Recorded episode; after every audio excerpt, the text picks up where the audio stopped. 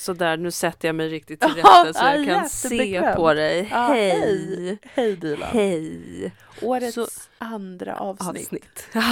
Perfekt. Första veckan i februari.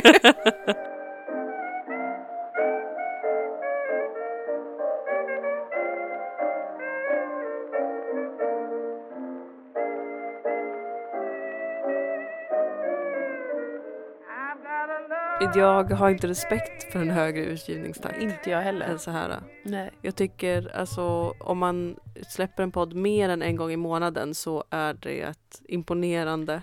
Ja, samt uttröttande. Ja, och ett heltidsjobb. Mm. Ja, absolut. absolut. Ehm, vi pratade ju lite här innan vi började spela in om Ja. hur, hur mycket vi båda hatar poddar. Ja, precis. Lyssnar du på några poddar nu för tiden? Nej. Nej. Jo, det gör jag. Ja, Jag lyssnar på This Young Again live. just det. Eh, Men det räknar jag inte som att lyssna på en podd. Utan Nej. det räknar mer som att vara en student i livets skola. Ja, men Nu har jag dessutom så... blivit kär i alla tre. Vad mysigt. Ja. Ja. men jag tänker likadant med Astrology Podcast som Mm. är den enda podden jag lyssnar på. Det är livets skola. Ja, alltså det är ju undervisning. Det är ju inte Det är att så här, det. "Åh, lyssna på något lite kul, man som diskar. Nej, nej. Varje Nej, gång jag hör ett utdrag ur någon av de här populära poddarna Ja. så blir jag rasande. jag Alltså att det är så vidrigt.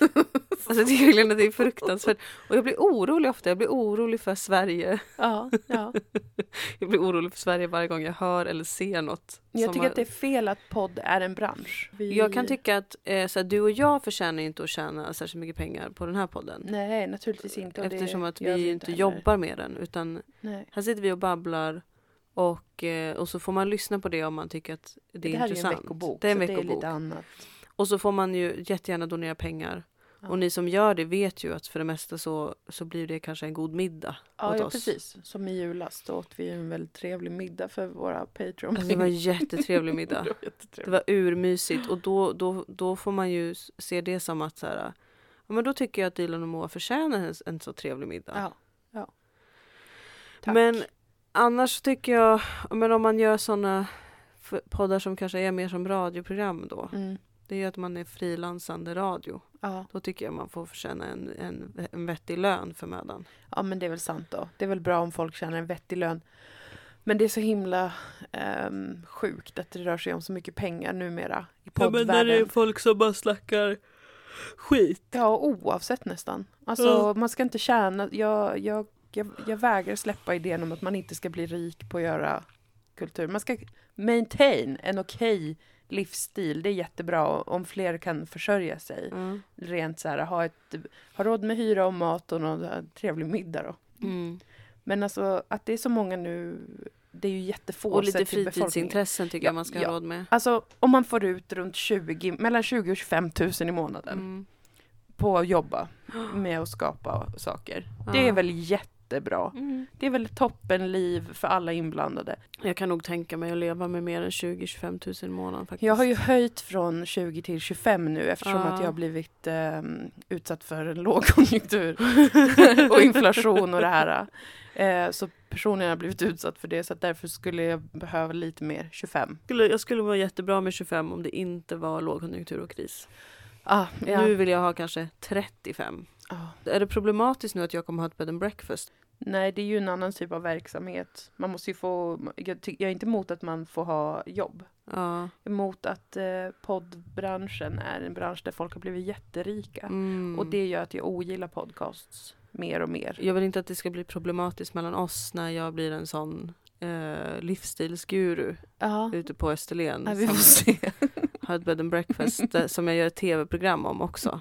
Ja, där kanske jag drar min gräns. Eh, Då kanske, då kanske det blir ett problem om du, om du gör ett sånt.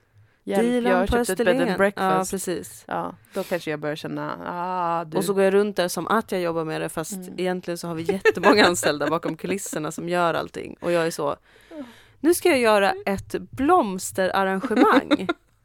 eh, Medan någon liksom svabbar upp en spya på något rum. Ja, den, om det blir så, då skulle det kunna innebära en splittring i Deal More Företag och Fritid. Ja. Om du gör ett sånt program. Ja, det är min absoluta mardröm faktiskt. Ja. Att göra något sånt. ja, det verkar faktiskt vara otroligt själadödande, tycker jag. Ja. Jag funderar på om man borde förbjuda trädgårds-tv överhuvudtaget. Och Oj. trädgård. Alltså, men du tycker väl om jag trädgårds-tv? älskar trädgårds-tv och jag älskar trädgård. Men precis som alltså, eh, så mycket annat Ja. Så tycker jag att det kanske inte borde vara något vi får. Ja, Okej. Alltså man får ha en trädgård. Ja. Men jag tycker kanske inte att det borde vara lagligt eh, att ha, göra tv om det. Mm, alltså om sin egen trädgård? Ja, eller om typ så här, så här ska man ha en trädgård. Ja, ja, ja, okej. Jag tycker att alla på, ska lära sig själva Mm. eh, långsamt, misslyckas väldigt mycket, har det väldigt dåligt och fult periodvis. Ja. Jag undrar om det kommer bli så här med, med, med trädgårds-tv och inkomster som det har blivit med barn. Att, Mm. att, eh, att vi måste slänga in brasklappen att en dag kanske vi har ett, ett trädgårdsprogram och plockar ut liksom 40 lax i månaden efter skatt. Och då Nej. får ingen säga någonting. Innan det händer så har jag stängt ner in mig i en brunn. Mm. Jag kommer inte göra det. Och jag kan säga det med stor säkerhet för att jag ju nu i det senaste har tackat nej till vad som man skulle kunna tro är mitt drömjobb. Jag kan inte säga offentligt nu i podden vad det är Nej. för något. Men man kan säga att det är tv-program som jag såg som var det bästa jag någonsin har sett i hela mitt liv. Reality. Ja. Och jag fick frågan om att vara med. Ja. Eh, och, jag, och jag sa nej. Jag sa nej för att jag kan inte vandra den vägen. Det, det får inte hända. Nej, Men det, det slet ändå i mig. Är det här en dörr som, nu, som Gud har Just öppnat det. för mig nu? just det. Är det, är det liksom dumt att tacka nej till något som jag har så uppenbar passion kring? Ja. Men jag vet att det var rätt beslut. Jag, jag tror att det var helt rätt beslut. Och därför vet jag också att jag skulle kunna tacka nej om någon ville göra ett trädgårds-tv-program med mig. Och du har bevisat det för dig själv Mm. nu. Mm. Det är ju helt fantastiskt. Det är helt otroligt faktiskt. Jag har ju också tagit nej till att vi skulle vara med i Fångarna på fortet. Ja, och vi har ju gemensamt tackat nej till att vara med i en snickar, snickare kommer hem och ordnar våran lägenhet. ja, det, fast det ångrar jag jättemycket. Det var min kille också väldigt sur över när jag berättade. Han bara, va? Skulle ni kunna ha fått det liksom renoverat eh, gratis? Ja, hade det varit gratis då? ja, det ju Vår varit. De, badrumsrenovering de i står ju lägenheten. för den kostnaden då. det landade ifrån. ju på typ 120 000. Ja. Mot att man står i tv och bara såhär, nej men jag, nej men när vi flyttade in här, då Ja. tänkte vi att vi skulle göra det här, men sen har det bara blivit stående. Ja. Det är det man... Låt liksom mig vara med i tv-program där jag istället förklarar exakt hur vi finansierade det. Ja, Bara ett avsnitt är alltid klart. Och bara, nej men jag tog utdelning då eh, Mm. från mitt bolag. eh, ja. Och finansierade det ju då den vägen då. Det program jag hade stött, om det var det som, om ett sånt Ja. program hade kommit och frågat, vill ni vara med i ett program som handlar om exakt hur ens privatekonomi går Ja. ihop och hur man förhåller sig till eh, de materiella tingen i ens liv, ens ekonomi och Mm. hemmet. Då hade jag nog sagt, det kan vi väl vara Dilan? Ja. sitta och berätta det. Ehm, så att, och det kanske är genomgående i alla de här temana att det är det här hyckleriet som man liksom, Att det inte pratas om pengar. att det inte pratas om pengar men Ja. allt, alla håller på med pengar jättemycket. Alltså, Och det verkar ha blivit en, ett intresse för folk. Det här är noterat också särskilt när jag var uppe i Stockholm. Att eh, folk tycker att det är lite kul att investera. Alltså att man köper aktier och sånt. det, alltså det är så främmande för mig. Och då frågade jag, men vad gör man eh, om, om det bara om alla bara tappar tron på Elon Musk helt plötsligt Ja. och allt rasar i värde? ja. Då får man ta det. Det är det som är en del av kicken. Har jag förstått. ja, jo, Att det, när som helst kan allt försvinna. men så är det ju redan med livet, så varför behöver man det en till nivå av det? Då är man ju riktigt dum. Jag vet. Det är ju redan så att allting kan försvinna när som helst. Så kommer jag ha en till anspänning av att även alla de här tusen kronorna som jag la in i Mm. Tesla Mm. kan försvinna. Nej, folk ehm, är ju rent irriterande. Men vet du vad jag också har märkt? Nej. Kommer du ihåg eh, att vi spelade en föreställning som hette Drömspelen på Strindbergs Intima Nej, jag hade glömt det. Jag hade ingen aning. Det var en liten sån där grej som hände bara. Och då eh, improviserade ju vi föreställningar varje kväll Mm. utifrån en fråga från någon i publiken. Mm. Och då var det en i publiken som hade en fråga att varför älskar folk att renovera så himla mycket? Ja, just det. Och så gjorde vi en föreställning runt det. Mm. Och eh, jag tänker tillbaka på den så mycket för jag önskar att jag hade kunskapen då som jag har idag. Mm. För att nu renoverar vi och fixar ute i, i bed and breakfastet Ja. inför eh, alla våra älskade gäster som ska komma dit. ja, ja. Och eh, det är en särskild kick Mm. att vara någon som inte utför ett arbete.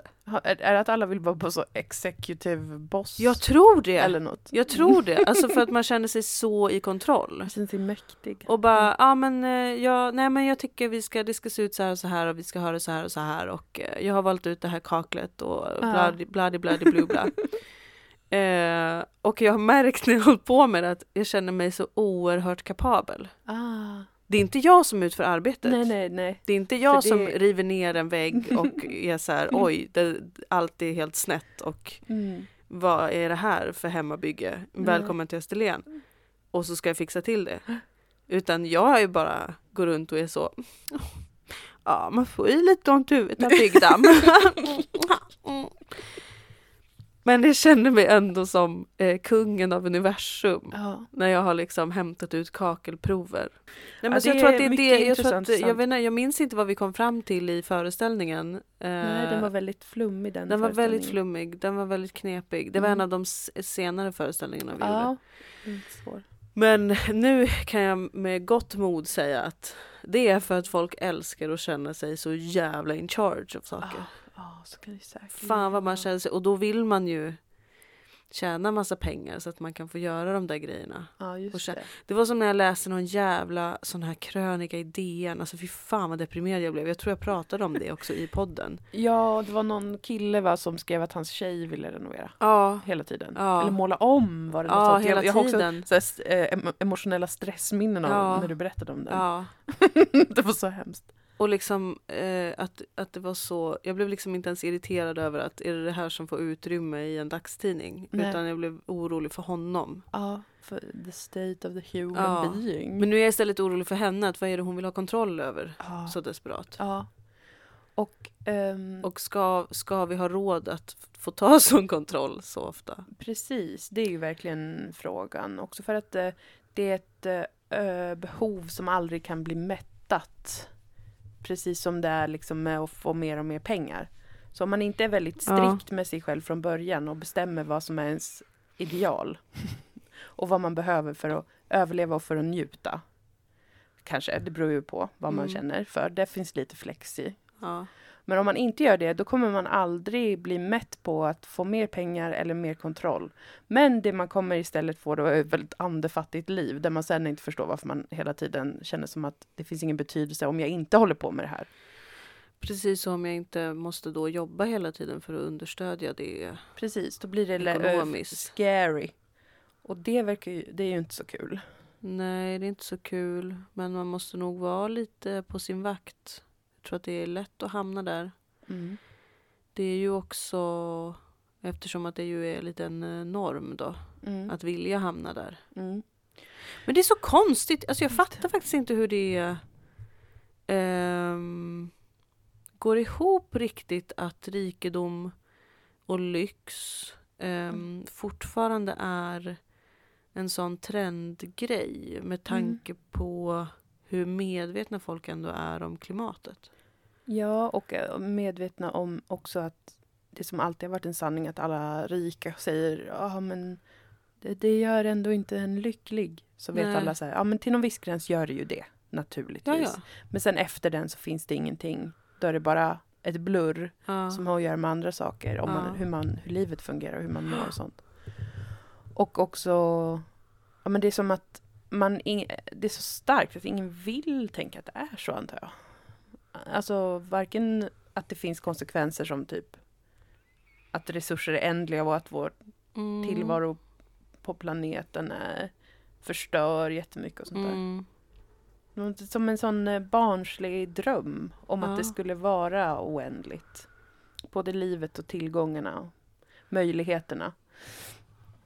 Men, eh, och att det kanske är en väldigt jobbig sak för varje människa att eh, förstå att vi är dö- dödliga och att det är ändliga resurser och att det är inte så. Men jag förstår inte, för jag tycker att det är mer trösterikt. Ja. Alltså jag tycker att det är trösterikt, eller jag tycker att det är skönt att bli eh, begränsad. Ja, det är ju jättebra. Det ve- vet vi ju också. Kreativt är det väldigt nyttigt och nödvändigt att bli begränsad. Ja. Alltså av, det, inte av någon grisig mellanchef som försöker tvinga sig till sina egna skämt i ens manus. Men av till exempel så här, det här är så mycket tid vi har nu. Eller typ, Ja. det här behöver vi få in i när vi skriver. Eller Ja. det här den här dramaturgin måste finnas där. Och bla bla. Ja. Det kan ju vara väldigt givande med ramar. För, eh, för skapande. Och lika så. Jag hoppas att den här fortsätter spela in medans... Ja, det gör den. Ja, okej. bra. ja nej, men jag håller med. Begränsningar kan vara väldigt... Alltså varför skulle oändligheten vara... Jag blir stressad av den. Det är som att jag blir jättestressad när jag tänker på Putin till exempel. Att jag Ja. förstår inte varför han vill ha så mycket makt. För att Nej, det, jag vet. hur orkar man med? Ja, att precis. räcker det inte? Och vad ska bli nästa steg? Och jag, jag har samma också med biljardärer, biljonärer, Ja. vad det nu heter. Ja. Man, man bryr sig, det spelar ju ingen roll ens vad, Ja. om det är en biljon eller vad det nu är. Hur många pengar de nu har.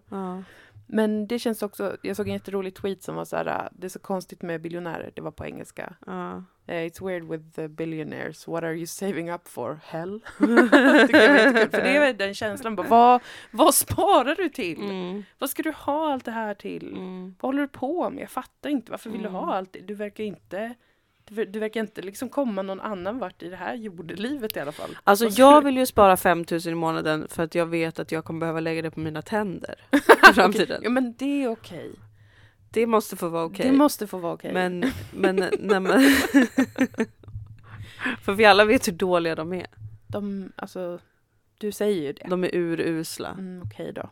Jag kommer gå Åh, med på det. jag kom precis på att jag har massa godis det? hemma. Oj vad gott. Åh vad gott, jag köpte det på Mm, Sweet det är det helg nu. Ja det är det. När vi spelar in. Nej men, alltså, jag tycker att det är, jag tycker att, vad ska man säga, personligen Mm. så, så känner jag inte att... Alltså då tycker jag att man ska vara eh, man ska vara glad och tacksam för de gåvor man har, de möjligheter Mm. man får kanske via sin familj och släkt. Jag tycker att det ska vara någonting man kan vara glad för och önska att fler människor kunde få. Mm. Inte önska så här, jag, jag önskar att ingen, att ingen hade pengar. Mm. Det verkar ju jättekonstigt. Men sen att också önska att de som har alldeles för mycket, det borde bara inte, alltså uppenbarligen alla bara som giriga barn och barn vet inte sitt eget bästa och då kanske man bara ska vara så här, ja men du får inte ha liksom, vi får inte, det får inte finnas lyxjakt.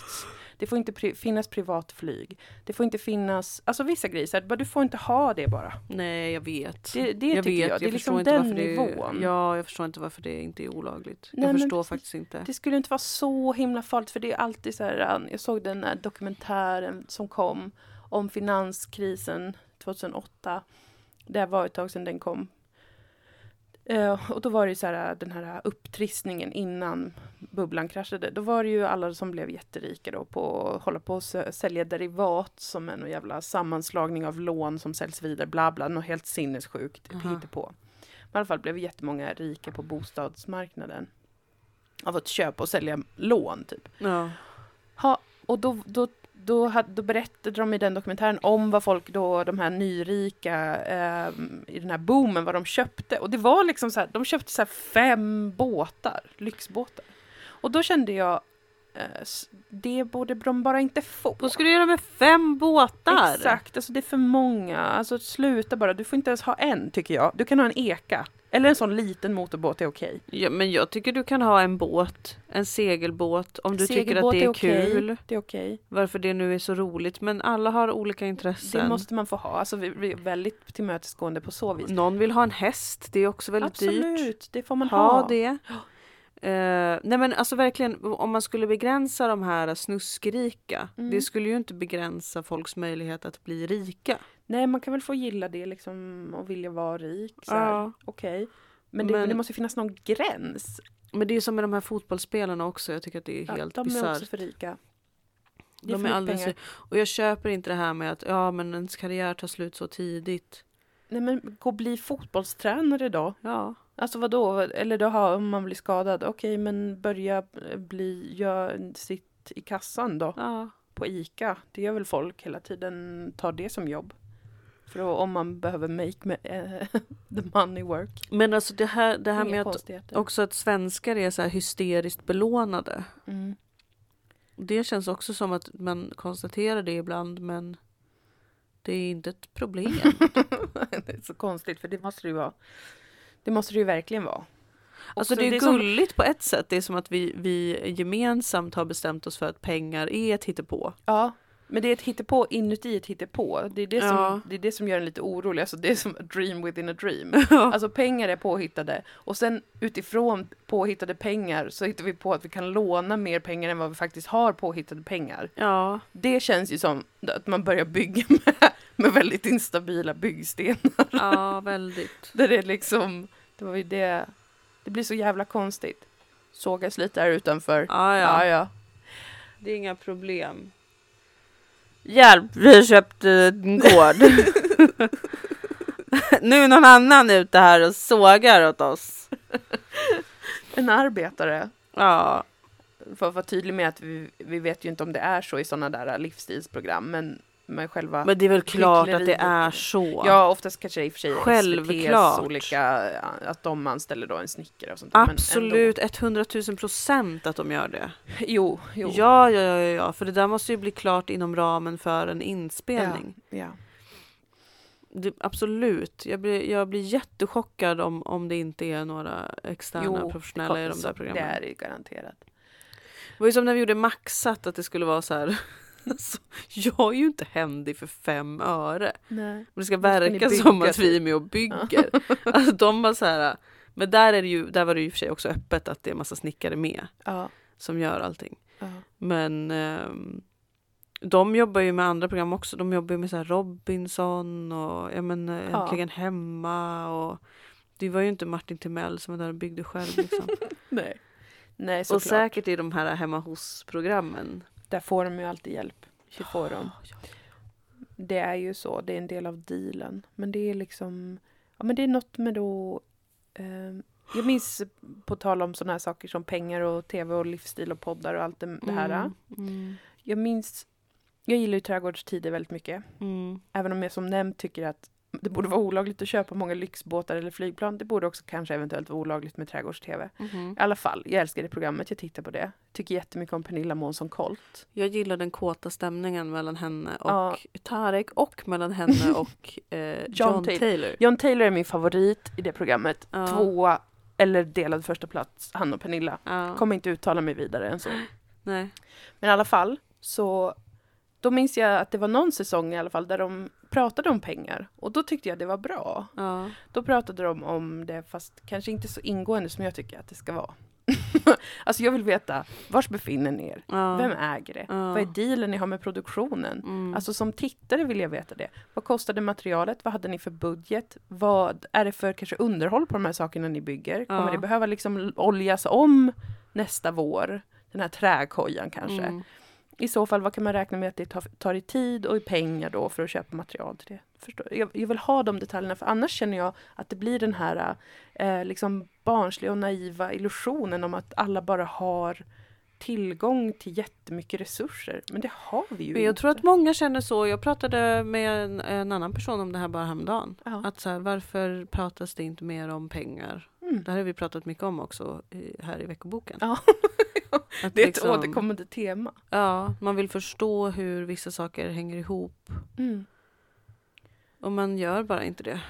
Nej, och så då, då tycker jag att det är svårare att bli inspirerad till exempel. Mm. Om man tänker sig att mycket lifestyle handlar ju om att inspirera till kanske, kanske till konsumtion. Mm. Men eh, det tycker jag eh, blir också svårare att bli inspirerad till när man inte vet vad den konsumtionen faktiskt kostar.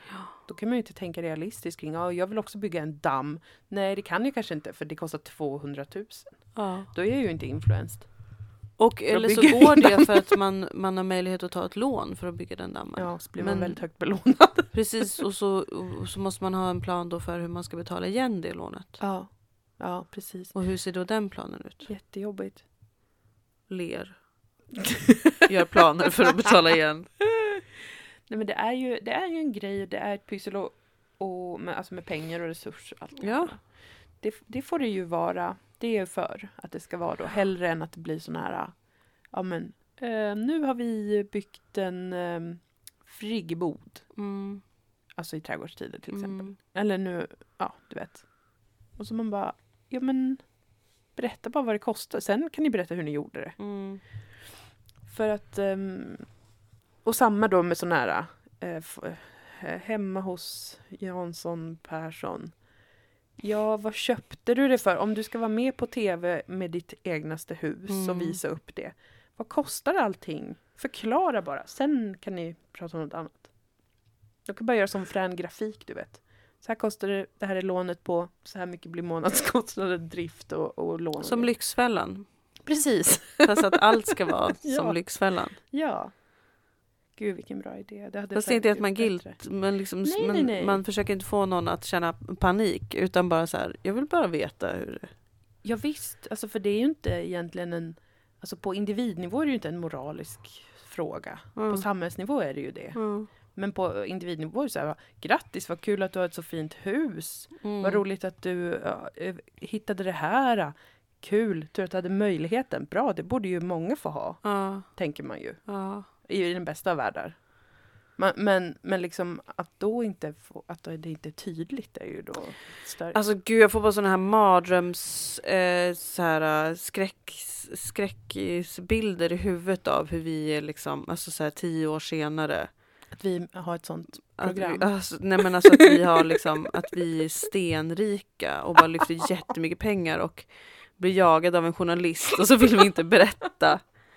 Vi vill inte prata om vi blir så förnärmade. Sluta, du trakasserar mig nu. Det är min privatsak. Ja, det är min precis. och Dilans privatsak att vi Precis. tjänar i vårt eget bolag. Ja, Men ni tjänar ju, ni får ut 100 000 efter skatt på er improteater. Hur är det möjligt? Ja, men det, vi har väl pratat om i podden tidigare att vi ska skriva ett kontrakt med oss själva Ja. för framtida bruk. Ja.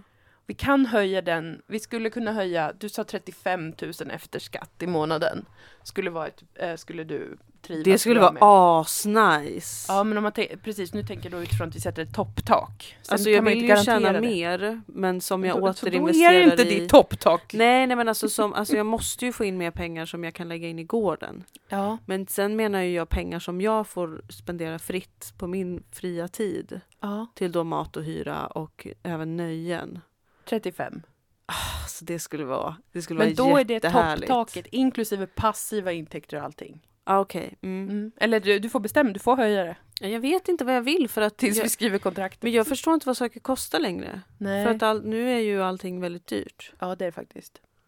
Men du får fundera på det. Jag kan ju kommer- till exempel inte spara varje månad just nu, vilket är enormt sorgligt för mig. Ja, Fast jag klarar mig ju såklart, vilket är enormt skönt. ja.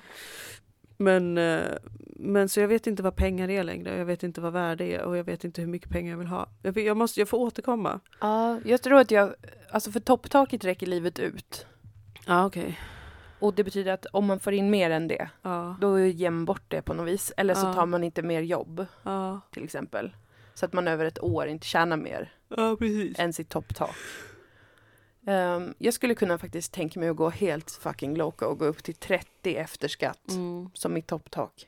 Det är ungefär 10 000 mer än nu. Men om man får in mer än det och vill lägga in det i till exempel vårt bolag för att finansiera framtida projekt, får man göra det? Det skulle man kunna få göra om det är tydligt då att det, det går till att eh, kanske då göra en föreställning där man avlönar skådespelare och musiker och grejer. Ja. Det skulle Eller väl kunna vara filmproduktion, att folk ska få löner och man hyr locations och sånt. Ja, men det borde, det borde ju, precis, det borde ju vara öppet för. Att det privata, alltså de egna pengarna man får så att säga till sitt egna lilla liv. Eh, och unna sig och ha det gött och leva bra. Det är där jag tänker att det finns ett topptak. Mm.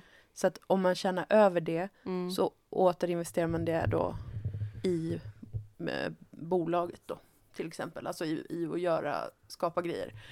För att inte då, funktionen med topptaket är ju att inte bli en hycklande tw- two-faced eh, människa som ljuger om sina inkomster och fortsätter vara en offentlig person. Precis. Det är målet med topptaket, att vi inte ska behöva eh, gå och lyssna på det här avsnittet och tänka, gud, nu sitter jag ju här, Ja, urstenrik Ja, och ljuger om min tillvaro. ja. Ja men visst. Vi får ju hålla koll på inflationen, vi får inflationsjustera våra topptak kanske. Ja. Och vi Ja. måste ju inte ha samma vill jag vara tydlig med, det, det, det är jag öppen för. Vi kan ha olika topptak. det är ett nytt, ett nytt ett nyord nu. To- Topptak ja, Ja. precis. Topptaket. Topptaket. Ja, Ja, men vi får fundera på det på varsina håll och så skriver vi ett gemensamt kontrakt. Till, Det är ju under ständig eh, förändring men man får väl sätta ett liksom topp, topp, tak. ja, helt men exakt. enkelt. För när, Mm. när jag första gången sa att mitt topptak var på 20 000 Ja, i månaden, alltså Ja. efter skatt.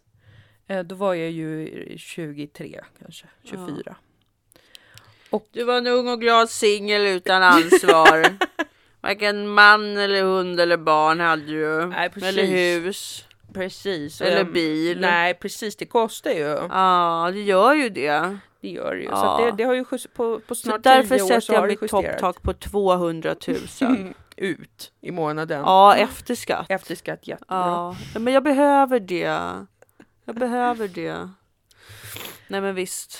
Ja, gud alltså. Det, Men det är väldigt vanligt att folk pratar om vad de vill tjäna i framtiden men inte vart den gränsen går för när man tror att man börjar eh, eh, liksom Tappa det. tappa det. Ja. Ja. Alltså tappa siktet och blicken och hörseln för vad som annat som är viktigt, om inte lika så. Har du hört viktigt. om de här som lever superduper snålt? Jag har hört om dem, det ger mig alltid en känsla av, av oro att höra talas om dem.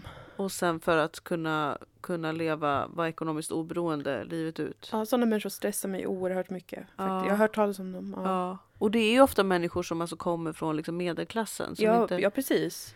Som, det är inte som att de... De tjänar bra, det är bara att Mm. de lägger undan allting. ja, och Jag blir jätteprovocerad av det. Ja men för jag tänker också hur vet de om att de inte kommer dö innan de ska börja leva på de pengarna? Ja, hur vet de om att om de sparar det någonstans att de pengarna inte bara kommer försvinna? Precis. Det, det, går, det går för långt åt fel håll. Ja, Eller åt ja. ett annat håll Ja, som ja. inte är bra. Nej, det är inte bra.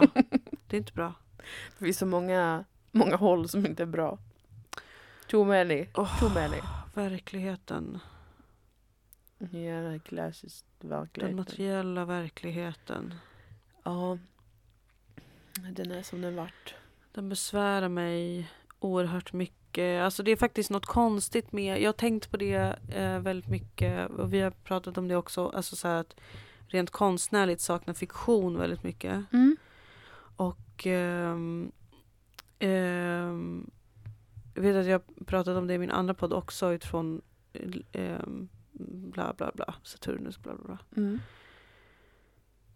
Att jag hoppas att vi, att, att, eller jag tycker att vi har levt i en tid nu av väldigt mycket verklighet. Mm.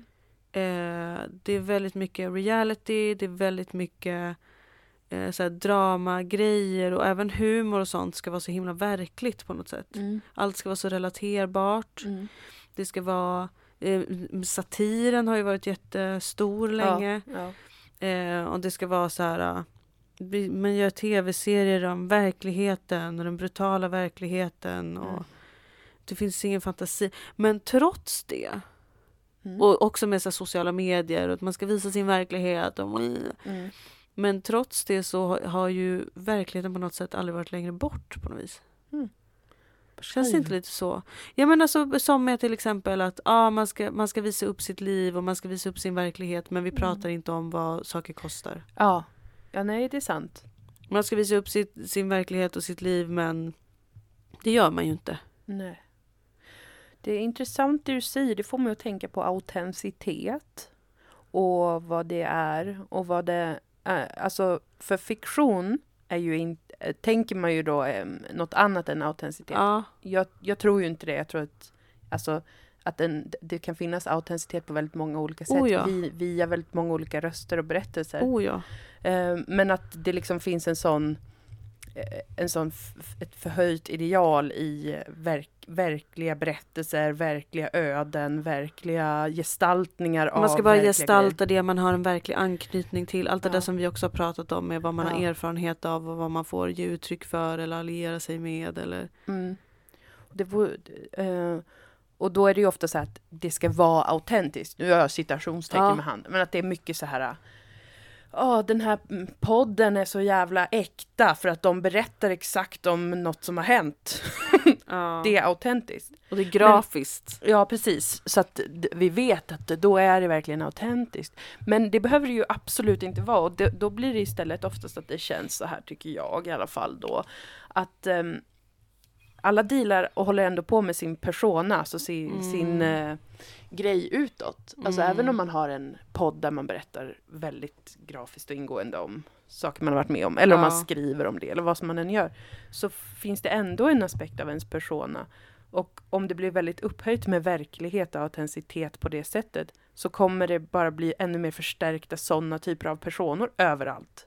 Och det är det som känns som det har varit sån jävla inflation i, alltså sådana typer av berättelser och, och eh, sammanhang Ja. där det värderas väldigt högt.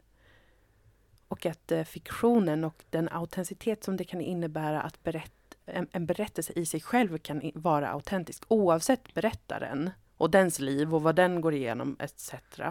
Det är liksom helt, det, det känner jag också är väldigt, ehm, eller ganska unders, underskattat.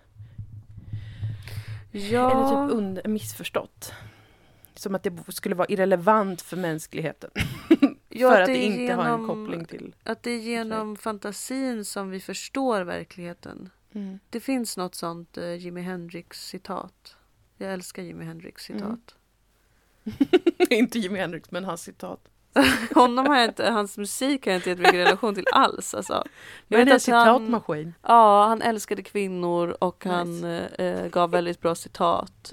Som till exempel When the power of love overcomes the love of power then the world will know peace. Ja, Det är ett av mina det favoritcitat. är ju ett jättebra. Men också någonting med eh, att man inte kan det, det är som att man kan inte avbilda verkligheten utan fantasin. Alltså man måste Mm. ha fantasin. Mm. Och eh, jag saknar det väldigt mycket. Jag längtar dit väldigt mycket. Ja.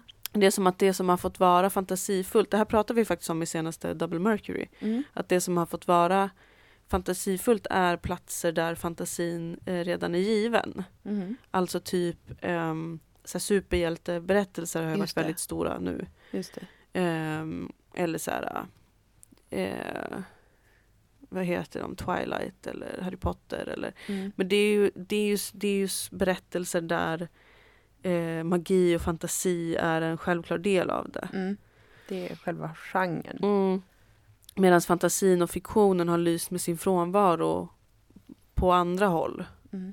Till exempel, ja men så här, det är så jävla mycket krim, Mm. polisserier, väldigt få av dem, alltså det har inte direkt varit något Twin Peaks på ett tag. Nej, Twin typ att- Peaks däremot var ju en krimserie Mm. där fantasin och mystiken genomsyrade. Mm, underbar. Och det är inte en naturlig plats för mystiken Mm. eh, i en krimserie men det som det gjorde med det var ju att den verkligen satte fingret på eh, varför begår människor brott? Mm. Eh, varför beter vi oss som vi gör mot varandra? Mm. Hur är det att växa upp? Hur är det att vara en förälder? Hur är det att vara, vara någons barn? Alltså jättemycket högst verkliga saker Mm. som fick angripas genom total fiktion. Mm. Och mystik. Typ. Ja, Verkligen. det saknar jag superduper mycket. Ja, det är verk- sam- samma här. Tänker också på att typ så här. eh, Det kommer säkert komma många smarta idéer, alltså med lite tid. Lite ana- analys eller vad man ska säga. Vill Förståelse för det googla. Twin Peaks, jag ska inte göra det. Förlåt. Nej, det ska du inte. Men jag tänker på typ att Kardashians är så här, några av vår tids. Alltså, dra åt helvete, äckliga smutsiga horor. alltså, förlåt. Men men- alltså, Nej, men då känner man ju också så här, vad är det för något? Vad är det som händer? Va- varför är det så kul eller spännande? Är det ens det? Är det någon som egentligen ens tycker det? Eller är det bara som att man liksom eh, sitter och matas med bilder av pengar och överflöd? Eller vad? Ja. Eller liksom, det känns väldigt... ehm, det, är, här, det, var, det var exakt samma anledning som jag kollar på The Crown, ja, som jag kollar på The Kardashians. ja, Är för att det är skönt att titta på saker som är snyggt. ja, Jag bryr mig inte om handlingen. Jag vet redan att de är tokiga i huvudet allihopa. ja. Både visst. Kardashians och brittiska kungahuset. Alltså de är sinnessjuka inavlade horungar. Men det är skönt att titta på. Ja. Rikedom. Det är jätte... Det är som att människan liksom eh, människans natur är att vi söker oss till där vi vet att det finns kalorier. alltså att vi vet, om vi vet att det finns godis så vill vi gå dit. Alltså Ja. det är av exakt samma Ja, men själ. precis. Det måste det ju vara. Alltså bara sån Ja, ja, ja. hamstrande av, av, av en illusion om överflöd. Samma som med peng, som vi pratade om med pengar. Alltså att illusionen om att det kan vara, att det finns. Att det är oändligt. Och så ska man sitta och relatera till deras känslor. Nej. Nej, det är så jävla konstigt för det gör väl ingen, alltså jag, jag, jag vet ingenting om detta direkt men jag vet ju bara vad, min magkänsla när jag ser eller hör talas om de här människorna. Så är det bara så här, det kan inte vara någon som är intresserad på riktigt av personerna för att det är inga personer att vara intresserad av. För att det är en totalt liksom, eh, vad säger man? Nej men jag tror Som folk köper odlad. att det är en fantasi. Ja, Men då är det den fantasin som man konsumerar är en fantasi som bygger på att den ska vara verklig. Mm. Att det är reality. Mm. Det är Att nu ska vi se någons liv och vi ska förfölja någons familj. Och man vet att ja men det här är på låtsas. Men det är ändå Mm. den fiktionen jag dras till. Mm. Och det blir så stort, ja det har, och det är väl massa ekonomiska skäl varför det blir så stort. Alltså att det finns, det fanns ett momentum, tid och en plats för det där också, att slå Mm. igenom och så alla ekonomiska intressen, bla bla bla. Men alltså det är liksom ändå något med där man verkligen känner, eh, vad är det om? Varför? Och varför? Alltså det, det som saknas verkligen då ofta är ju att eh, kanske, kanske döden och det ändliga ja. och det mystiska. ja. Alltså som vi ju alla eh, behöver förhålla oss till och, och på något plan alltid förhåller oss till. ja. Men i sådana där eh, väldigt paradoxalt nog då verkliga inom citationstecken ehm, eh, verkliga berättelser eller sådär. Då är det som att det är oändligt. ja. Alltså att de inte... Ja, Gud, jag är så ointresserad av verkligheten. Den är Alltså så jag är ju konstant omgiven av den. Den är väl en bild bland väldigt många. Ja, den är Ehm, väl det. Mer än så kan man inte kreditera verkligen. One of many. Men jag håller med om att det finns ett starkt och stort behov av fiktion och mystik och skoj. Ja, men jag är väldigt säker på är- att det kommer. Ja, det tror jag också. Jag tror, jag, jag, jag, jag bara väntar. Ja, alltså, jag tycker att det är väldigt positivt att tänka på eh, hur otroligt eh, fin och engagerad respons vi får på impron hela tiden. Mm. Och impron är ju eh, helt... Den, den tar ju sitt avstamp i liksom antingen flera korta fiktioner eller Mm. en längre, om det är långform Mm. eller kortform. Och den, den föder ju, s- födes ur eh, en gemensam fantasi Mm. som uppstår på plats. Mm. Så den liknar ju, i ett avseende liknar den ingenting annat som Mm. man ser eller gör egentligen på scen och sådär. Men responsen är och har varit alltid eh, väldigt, väldigt eh, energisk. Alltså det är som att eh, responsen är i sig själv en energi och ett flöde eh, som bekräftar att Alltså väl, det är en ganska vanlig erfarenhet nu som du vet. Det är ju att folk kommer fram och är så här, jag vill också, får jag, kan jag vara med? Typ. Mm. Alltså det händer jätte, jätteofta med impron. Eller att människor säger att de har tänkt på att de skulle vilja göra något sånt, att de jättegärna vill det. Mm. Och det och, och är väldigt liksom, eh, ja men väldigt energiska. Mm. Annars kan det vara så att man har en föreställning, en manu eller stand-up och så, och så är folk såhär, gud det var jättekul, tack så jättemycket och så, och då blir man glad. "You're I never fin." want to do that, but like I thank would never do it, doing for it. yeah. Ja men typ, och så blir man glad och sånt, det är fint. Mm. Men efter impron, efter improföreställningar så publiken, de, de som kommer fram och pratar med oss eller kommer fram vid senare tillfällen.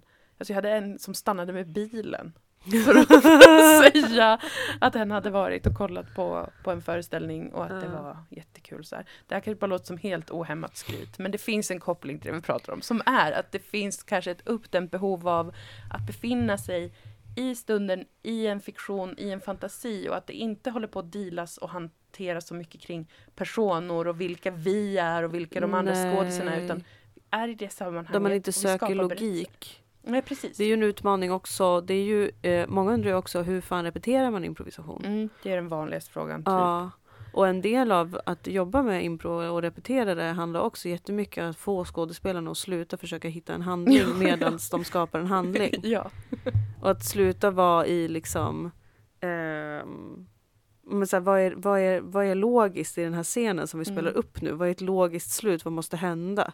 Mm. Och att släppa det, för att handlingen kommer alltid sen. Ja, och den kommer ur det gemensamma och aldrig Mm. ur en person ensamt. Nej, Men det, det är en blockering eller en låsning som alla stöter på, som vi i Ja. alla fall har jobbat med i början, när man börjar vara med och öva på att göra improviserade scener. Så är det så här, men hur ska jag kunna ha koll på vem jag spelar, vad jag heter, vad den Ja. andra heter? Hur ska jag kunna ha koll på det? En sån vanlig grej som folk Ja. som vi spelar med eh, ger uttryck för i Ja. Och det enda vi kan säga är så här, du ska inte det. Så gå upp igen och gå upp igen och försök släppa det. Ja, så mycket också impulser som man blockerar. Att man kanske har en impuls att svara på ett visst sätt Mm. på en sak i en scen. Men så hejdar man den impulsen för man tänker att men så hade man inte... Det är inte logiskt att svara Mm. det. Mm. Och litar då inte på sin medspelare att den kommer förvalta det som man Nej. spottar ur sig.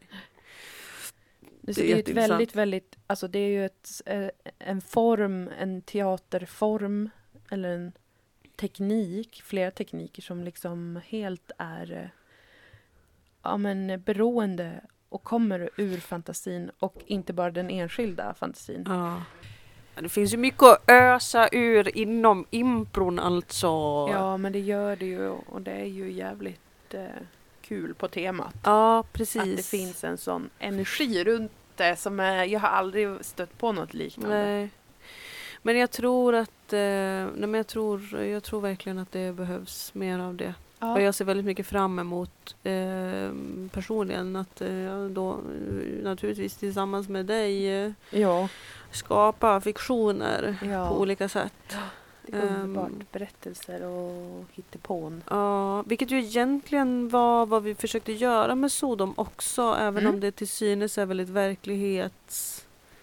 Vissa trodde ju att det var dokumentärt när det kom också. Men alltså det, det tycker jag att man får skylla samtiden ganska mycket för. Ja, Faktiskt. För att det är en, i många avseenden är det ju en eh, ganska så bisarr eh, komedi. Ja precis. Men det, det var som att mm, det ofta fick vi ju då responsen att det skulle ha, vara verkligt. Att det Ja. handlade om, alltså dels var det mycket så att det skulle vara du och jag. Ja, För att vi, precis. våra karaktärer Och att vi skulle vara namn. likeable. Ja, och massa Kommer aldrig såna- komma över det. Nej, det är sjukt. Men alltså, där, där, jag tänker ju på Sodom som ett eget universum. Alltså Mm. som en parallell verklighet eller tid eller vad man ska säga. Med egna karaktärer och... och Ja, sen Så, precis. sen så såklart så, så, så kommer det ju, det är verkliga situationer som de Ja. är med om, våra karaktärer och sådär. Men alla, om man ser alla bikaraktärer och hur alla är skrivna, hur dialogen är skriven och så Ja. är det ju, tycker jag, ganska uppenbart en, liksom en sån typ av De lever ju i en Parallell fantasivärld. Mm. Det är, är, S- Sodom är uppe på SVT Play igen. Ja! Tack alla som har mejlat reprisavdelningen. Så glada blev vi av Och, att höra att eh, ni har gjort det. Jag är, så, jag är så glad att jag inte har ljugit för folk när jag sagt att det faktiskt spelar roll att Ja. mejla reprisavdelningen. Det visste ju jättekul att det faktiskt gjorde så. Att Ja. De la upp säsong ett och två Mm. Av våran groteska baby som vi kallar Det henne. känns toppen, toppen kul. Mm. Um, apropå det så tänker jag att vi kanske har lite tv-tips, eller? ja, Ja. på, på tal om fiktion och tv. Oh my god. Jag har ett tips God. dock på, på tal om verkligheten. Ja. Men eh, eh, Historia, Mm. Eh, dokumentären om en konstnär från Sápmi som ju Mm. vann en Guldbagge. Vi var ju också på Just det, Guldbaggegalan. ja det var vi. Eh, den finns på SVT Play och den är helt Mm. fantastisk. Oh, den ska Alltså- jag titta på. Och det är en helt underbar konstnär Mm. som det handlar om. Mm. Eh, så den vill, jag, den vill jag verkligen säga åt folk att titta på. Bra tips. Det finns ett konstverk där som jag är besatt av att få tag på. Mm. Det kanske är därför jag måste tjäna mer än 35 000 i månaden efter skatt. Ja, du får räkna på det här. Jag hör hur du Ja. börjar kompromissa topptaket ständigt. Ja, alltså. men jag behöver vissa konstverk i mitt liv. Ja, och så är det bara. Ja, så är det bara. Men det är mitt enda tips. Jag har börjat titta på White Lotus nu. Eh, ja, ja. Eh, ursäkta. Och jag är inte imponerad än. Nej. Men jag har bara sett ett och ett halvt avsnitt. Ja, Så det kommer väl säkert.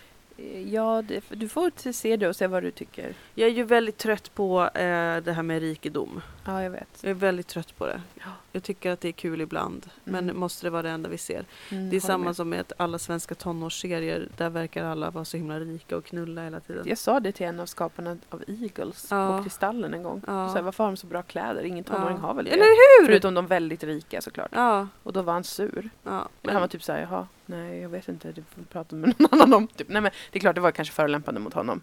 Jag var full, vad ska jag göra? Men du jag får var väl ställa en fråga. truth. Ja.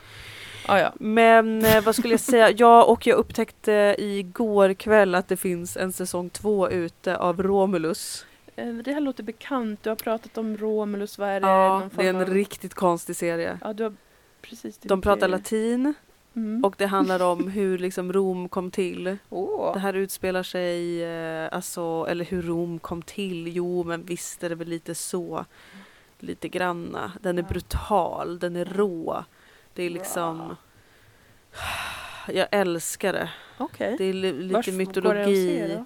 HBO Max som det heter. Aha, jag har inte sett kanske den men jag ska kolla på. eh, Romulus. ja. Spännande. Mm. Eh, kommer eventuellt inte titta på det. Eller så gör jag det, Nej, vem vet? Ja, Eh, eller så gör du det. Jag eh, skulle, är nyfiken av hur det Ja. var där Ja. med Rom och det. Jo men eh, Det verkar ju vara spännande. du, det, du kanske kommer tycka det är lite äckligt för det är lite orger och sånt med Jag också. tycker det är fel. Förbjud ytterligare Mm. det. Alltså sexscener på tv. Ja, jag vet. Jag vet. Jag har så många åsikter. Jag såg den Mejla för här fler. med min mamma. Nej, det är precis av sådana skäl det borde vara olagligt. Man Mm. tittar ju på tv ibland som familj. Ska man inte få göra det? Eller? Ja. Undrar, är en fråga istället. man borde få i början välja hoppa över sexscener eller inte. Ja. Som det finns att hoppa över intro. Gud Just vad smart. Varför är jag inte multimiljonär? Om för inte jag har sexscenen eh, tjänar ett syfte.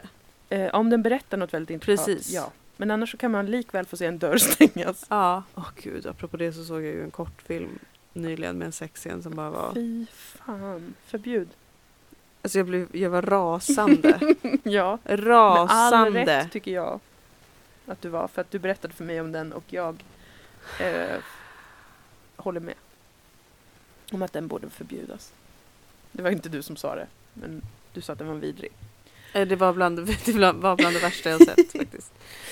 Ja, Ja, jag hade ju en av mitt livs starkaste tv-upplevelser. Mm, jag vet ju Eh, det. Och eh, nu har ju det blivit oerhört eh, hyllat det här avsnittet och Mm. eh, talat om. Så att nu är det väl mainstream antar jag. Men ja, ja, då är väl det då. ja, Vem bryr sig? ja. Um, The Last of Us är ju en tv-serie på HBO nu. Mm. ehm, som handlar om att det är en slags svamp som gör alla till svampiga zombies. De säger att det inte är zombies, men det är som zombies. Det är baserat på, på tv-spelet, eller vad det nu är. Ja. Ett spel, data eller tv. som heter The Last of Us, som blev ju jätte, jätte, jättepopulärt. ja, För sitt otroliga, sina otroliga karaktärer och narrativ och bla bla. ja. Kul. Det kommer den här serien, det handlar om att det är zombieapokalyps, eh, eller har varit eller är, eller det är bara Ja, för en det del har människor varit, kvar. de har levt så ganska länge. Mm, typ Ja. 20 år eller vad det är. Oj.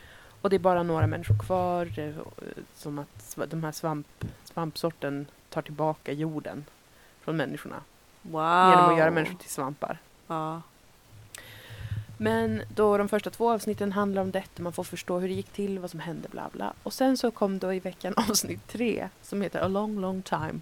Som jag satte mig då i godan ro för att se ett till zombieapokalypsavsnitt. För jag tycker det är en bra serie, liksom så. Du vet, underhållande har varit, Ja. de första två avsnitten. Ja. Jag är ju en motståndare mot zombie-temat generellt. ja, För att det tråkar ut mig så fruktansvärt snabbt eftersom att jag bara tänker, men snälla kämpa inte emot då. precis. Om det är så här jobbigt. Säger mycket om mitt inre liv säkert. Mm, Skulle en jungian mm. analysera det Mm. på olika sätt. Men eh, jag har ändå sett det här. För att jag har hört så mycket om det, att det ska vara så bra tv-spel. Ja, och så kom avsnitt tre och då var det en, eh, en helt annan berättelse. Det var, långt, det var 80 minuter långt avsnittet. Och det handlade då om två karaktärer som finns med i spelet men i spelet går de inte in så mycket på de karaktärerna vad jag förstår det som. Jag har inte spelat det. Men, Nej. men i tv-serien så gjorde de ett helt eget liksom, avsnitt om de två karaktärerna.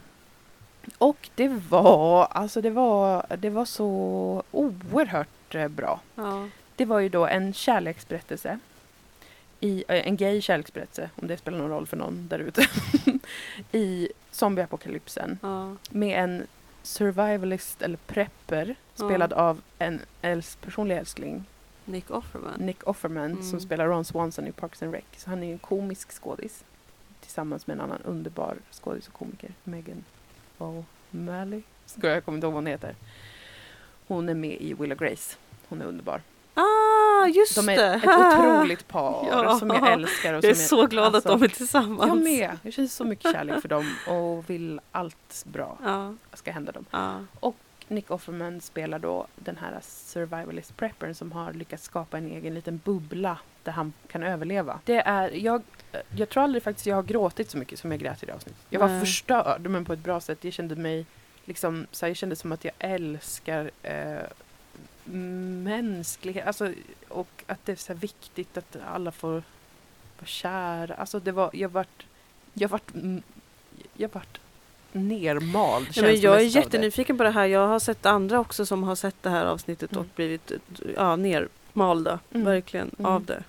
Det var så jävla vackert. Och det kanske var liksom, jag vet inte, jag har sett att vissa snorkiga tyckte att det var förutsägbart eller cheesy eller sådär. Jag tyckte verkligen inte det. För jag tyckte i den här kontexten av en undergången apokalyps så gjorde sig en kärleksberättelse så jävla bra. Och en kärleksberättelse mellan två liksom medelålders personer också. Att det är lite äldre Mm. love. Mm. Ehm, det var så otroligt fint. Och inte så fint som så här, oh, happy for them. Utan fint som att det högg tag i min själ. Mm. Och liksom sa så här äh, vad viktigt det är ändå. Eh, med överlevnad. Eller inte bara att överleva utan att leva också då. Som är eh, temat i zombie-teman. Ja. Är ju så här att alla överlever, försöker överleva. De är jätterädda och de försöker överleva. Men det är sällan temat av att också leva. Eh, och det, men det var i det här avsnittet för då handlade det om hur de också då lev, har levt under den här där hela världen liksom rasar. Jag är ju nyfiken på att titta på det också för att jag tänker att om två personer hittar varandra i en apokalyps Mm. så undrar jag hur mycket är egentligen kärlek och hur mycket är, ja ja, Codependency. jag får väl ta dig då. För att du är Ja. frisk. Men eh, Och vad är kärlek? ja. Är jag en hoppas att du ska se det så att vi kan prata om det för jag har tvingat, försökt tvinga alla i min närhet att se Mm. Men också då att se ändå, för en del av som gjorde det för mig var ju också att ha sett avsnitt ett och två som det var i den kontexten och Ja. i den världen. Så det är väldigt snyggt av dem också att lägga det, eh, en sån typ av berättelse eller vad man ska säga, en sån på ett sätt då sidospår. Ja. För det ger inte jättemycket till berättelsen som sådan. Men det gör ju det. det gör ju det. Det, Det ger gör ju, det. Det det ger ger ju jättemycket. universumet någonting helt nytt. Ja. Alltså det var som att det var svindlande att känna att, att det kändes som att hela världen, att jag var där på Ja, något vis. det är också något jag saknar, eh, i, särskilt i svenska produktioner. Mm. Att våga bygga ett universum. Ja. Att vara så här, ja det här ska vara med. Nej, det tillför ingenting till A-storyn eller Nej. en längre bågen så. Men det Nej. bygger världen. Det och bygger då världen, tillför det någonting Det till tillför storyn. så jävla mycket. Nu är jag ju jättesugen på att se mer fastän Mm. det här var liksom en, en specifik story för det här avsnittet Ja. som in, man inte kommer återbesöka. Alltså, Ja, det påminner ju mig om Origins-avsnitten va, i Avatar Legend of Korra. ja, Det är ju det två fristående avsnitt man kan Ah, se ja. där man får se den första avataren kom till. va. Ah, så fint. Och det tillför ju jättemycket till eh, bilden av avataren, va, och vem det är och sådär. Sammanhanget kan jag tänka mig då, alltså hela världen ja, där. precis. Va? Även om det egentligen bara är en, en komadröm va, hos avataren som Ja, har men blivit det tillfälligt gör skadad. ingenting Va? i fiktionen, kan man köpa det. Ja. Är det roligt med TV? Ja, älskar tv, Ja. älskar fiktion, älskar Ja. be- berättelser. Hashtag. Hashtag berättelser äger. Ja. Men du, nu måste vi nog sluta Ja, för snart kommer sluta. eh, du hem. Ja, Min son. det blir så dålig stämning när han Ja, kommer hem. Han tycker inte om nejhoppar. Han tycker jag ska Nej. vara baka bullar till honom. Mm. Så är det ju. Ja, så, och det kan jag ju hålla med om Ja, lite. det förstår jag att du håller med om. Det är de Mm. flesta. Mm. Jag kommer ju sluta med det här så fort mitt barn kommer ut. Men vi får höra snart igen. Vi har mycket att avhandla. Ja, men vi får verkligen höra snart Ja, igen hörni. Jätteroligt. Eh, tack för att Källans dopfest på inkomst sålde slut på typ ett dygn. Ett och ett halvt dygn. Det gick jätte- jättesnabbt och det känns urkul. Ja, det ska bli så jävla roligt. Ehm, så vi kan inte plugga det, men eh, vi kommer ju spela eh, senare i vår Mm, det igen. kommer mer impro. Det kommer mer impro i Malmö och kanske utanför Ja. Malmö. Ja, håll koll på oss så kommer vi berätta mer framgent. Ja, precis. Håll koll på Ja. Hafatagos på stan. Ja, fråga då. Jag frågar Liksom. rakt ut då. Ja, vad är det då? Ja. När Ja. är det? Ja. Frågar man inte får man inga Nej, svar. Så är det. Ja. Med det sagt, tack så mycket. Tack så mycket. Puss och kram. Puss på dig. Hej.